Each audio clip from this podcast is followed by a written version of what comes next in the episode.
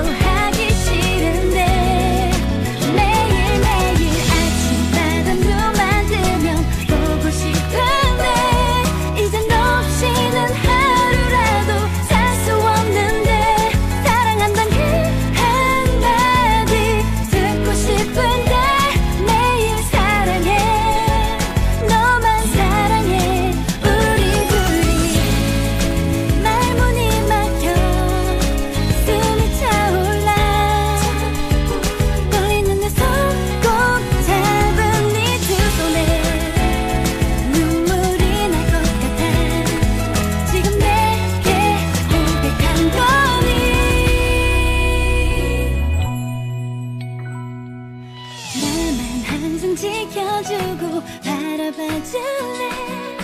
너 때문에 눈물 나면 꼭 안아줄래? 그토록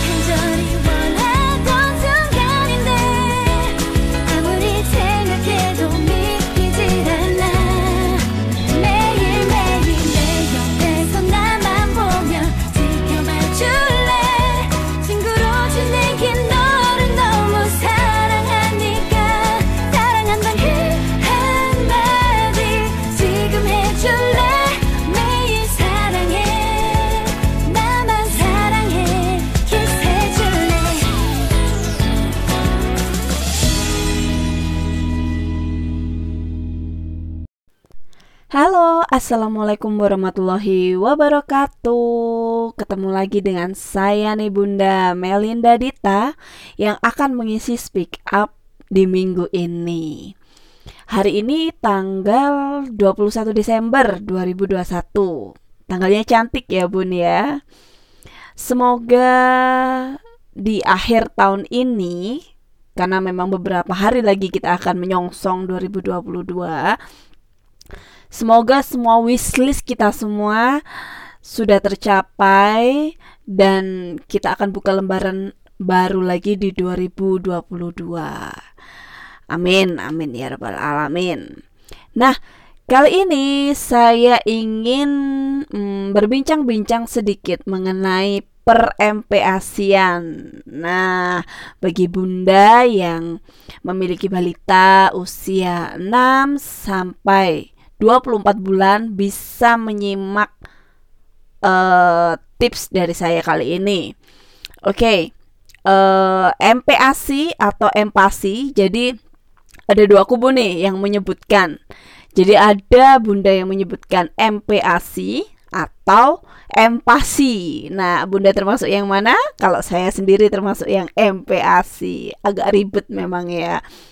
MPAC ini apa sih sebenarnya? Nah, eh, dia ini merupakan makanan pendamping, Bun. Pendamping dari ASI yang biasanya diberikan ke bayi usia 6 sampai 24 bulan. Eh, tujuannya untuk apa? Sebenarnya untuk memenuhi kebutuhan gizi dari bayi. Jadi karena dirasa us eh, ketika bayi usia sudah menginjak usia 6 bulan ini eh, pemenuhan gizi dari ASI sendiri itu dirasa kurang sehingga eh, mengapa dia membutuhkan asupan dari si MPASI ini.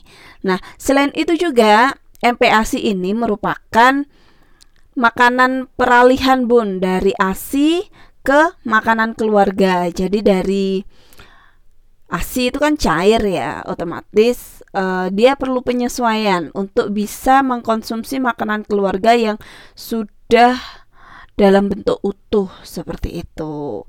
Nah, per MPASian sendiri nih Bun, biasanya ini eh, merupakan tantangan tersendiri bagi para ibu. Bener nggak, Bunda semua?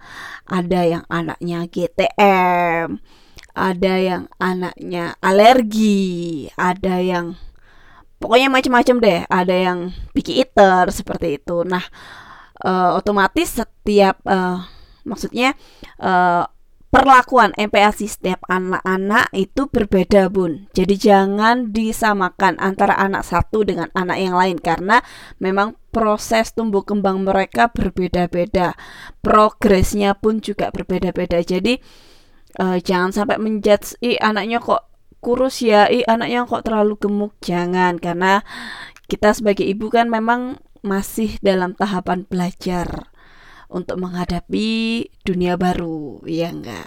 Nah, eh, kali ini saya ingin membagikan tips MPASI untuk bayi yang alergi. Ada nggak nih dari bunda sekalian yang bayinya ini mengalami alergi atau menderita alergi? Biasanya sih alergi ini turunan ya bun ya dari kedua orang tua. Nah, alergi Alergi ini sendiri merupakan respon abnormal sebenarnya dari tubuh terhadap jenis makanan tertentu, Bun. Jadi jangan sampai ketika kita sudah tahu anak kita alergi, Bunda tetap memaksakan untuk memberikan makanan tersebut. Itu jangan sampai terjadi karena akibatnya bisa sangat fatal. Nah, bagaimana sih caranya kita bisa mendeteksi alergi makanan pada bayi atau anak kita? Cara mudahnya sebenarnya dengan memberikan makanan satu persatu, Bun. Dan kita lihat reaksi dari anak kita. Apakah dari bahan makanan yang sudah kita berikan tersebut itu menunjukkan gejala alergi.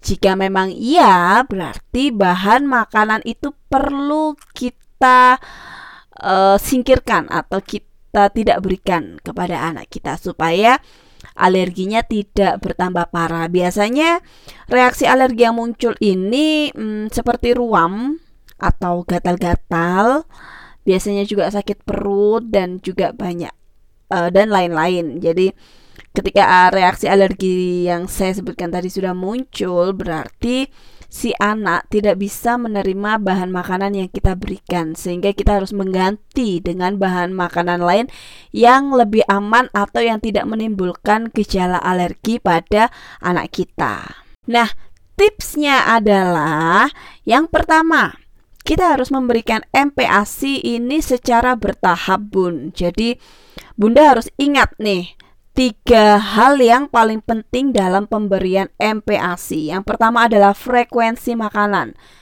Yang kedua adalah jumlah makanan dan yang ketiga adalah tekstur makanan. Jangan sampai dari ketiga hal ini ya anak uh, usia 6 bulan disamakan dengan anak usia 12 bulan atau anak usia 12 bulan kita samakan dengan anak usia 24 bulan. Jangan ya Bun, karena tiga hal ini uh, setiap usia ini berbeda-beda Bun. Jadi Bunda harus paham dan harus ingat betul mengenai frekuensi makanan, jumlah makanan dan juga tekstur makanannya. Nah, selain itu pada awal pemberian MPASI jadi pada uh, usia 6 bulan ini kita berikan menu tunggal terlebih dahulu Bun sebelum masuk ke MPASI 4 bintang. Tahu kan 4 bintang ini maksudnya apa? 4 bintang ini maksudnya adalah dia terdiri dari protein hewani, protein nabati, karbohidrat dan juga sayur.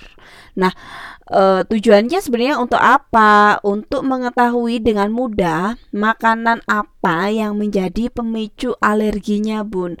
Ketika makanan tunggal kita berikan, kita tahu, oh makanan A ti, e, Makanan A aman diberikan kepada bayi kita. Makanan B, oh ternyata kok muncul reaksi seperti ini. Makanan C aman dan selanjutnya seperti itu.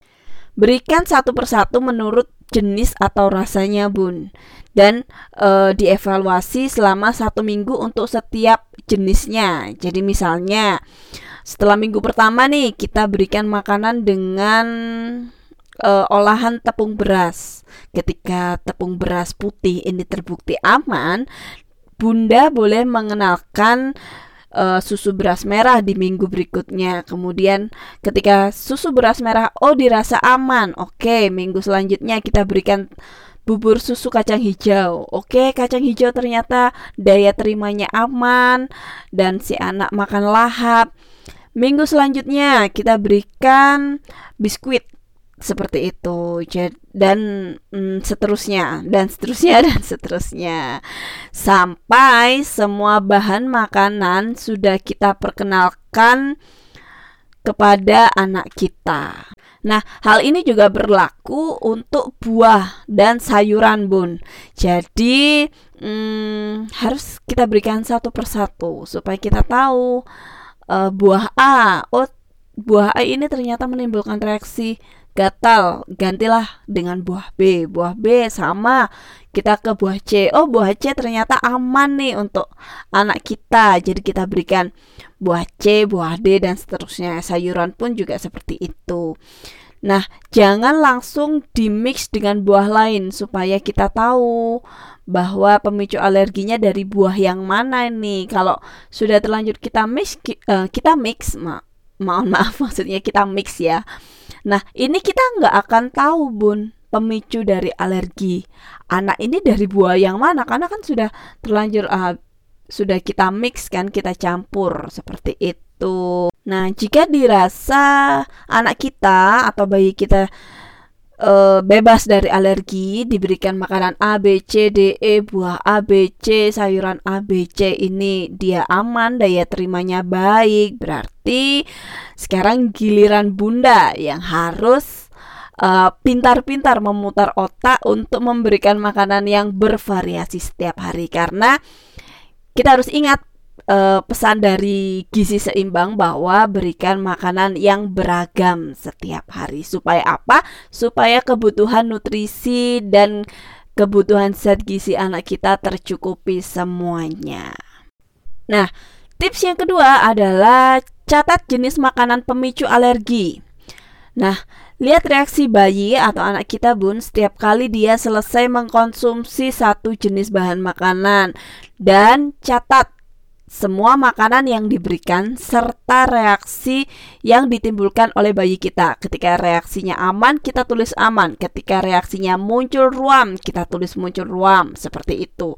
Nah, apabila muncul alergi akan terdeteksi, uh, akan terdeteksi maksudnya dari bahan makanan apa yang menjadi uh, pemicunya karena kan kita memberikan bahan makanannya satu persatu. Tidak dimix kan? Jadi kita bisa tahu oh bahan makanan ini nih yang menjadi pemicu alergi anak kita. Seperti itu. Jadi kita bisa menghindari bahan makanan tersebut supaya tidak menimbulkan gejala yang lebih berat lagi ke anak kita. Tips yang ketiga yaitu jangan lupa beritahukan kepada anggota keluarga yang lain yang maksudnya yang setiap hari berinteraksi dengan anak kita atau bayi kita. Hal ini penting loh Bun, supaya mereka semua bisa mengetahui makanan apa yang boleh dikonsumsi dan tidak boleh dikonsumsi oleh anak kita supaya ketika kita eh, ketika anak kita maksudnya hmm, pergi dengan mereka kan biasanya eh, kayak kakek nenek gitu kan sering ngajak cucunya jalan-jalan, sering ngajak cucunya nginep di rumahnya seperti itu. Itu uh, supaya uh, si kakek nenek ini juga bisa was-was.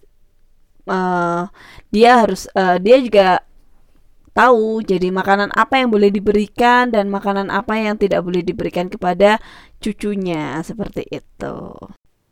Tips yang keempat yaitu tunda pemberian makanan pemicu alergi hingga anak berusia satu tahun.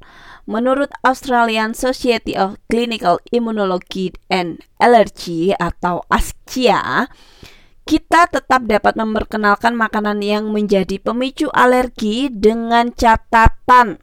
Nah, diingat bun, dengan catatan anak kita sudah berusia satu tahun dan bahan makanan pemicu alergi tersebut ini kita olah dengan baik. Misalnya si anak alergi dengan telur. Nah, ketika kita memberikan telur di usia satu tahun, kita harus memastikan bahwa telur itu benar-benar matang saat kita olah, ya, sehingga tidak uh, menimbulkan reaksi alergi yang berlebih ke anak kita seperti itu. Nah, studi menunjukkan bahwa hal ini dapat mengurangi kemungkinan mengembangkan alergi makanan pada bayi dengan alergi yang parah, Bun.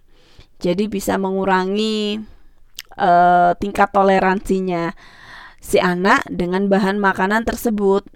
Nah, setelah diperkenalkan dengan bahan makanan tersebut, kita harus terus memberikan makanan ini pada anak kita secara teratur. Jadi harus teratur dua kali dalam seminggu atau misalnya satu kali dalam seminggu. Seperti itu.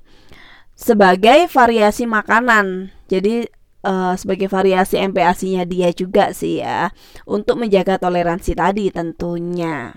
Nah, jangan sampai nih Bun, jangan sampai ya kita uh, ketika kita sudah mencobakan makanan tadi misalnya telur tadi itu kan ya.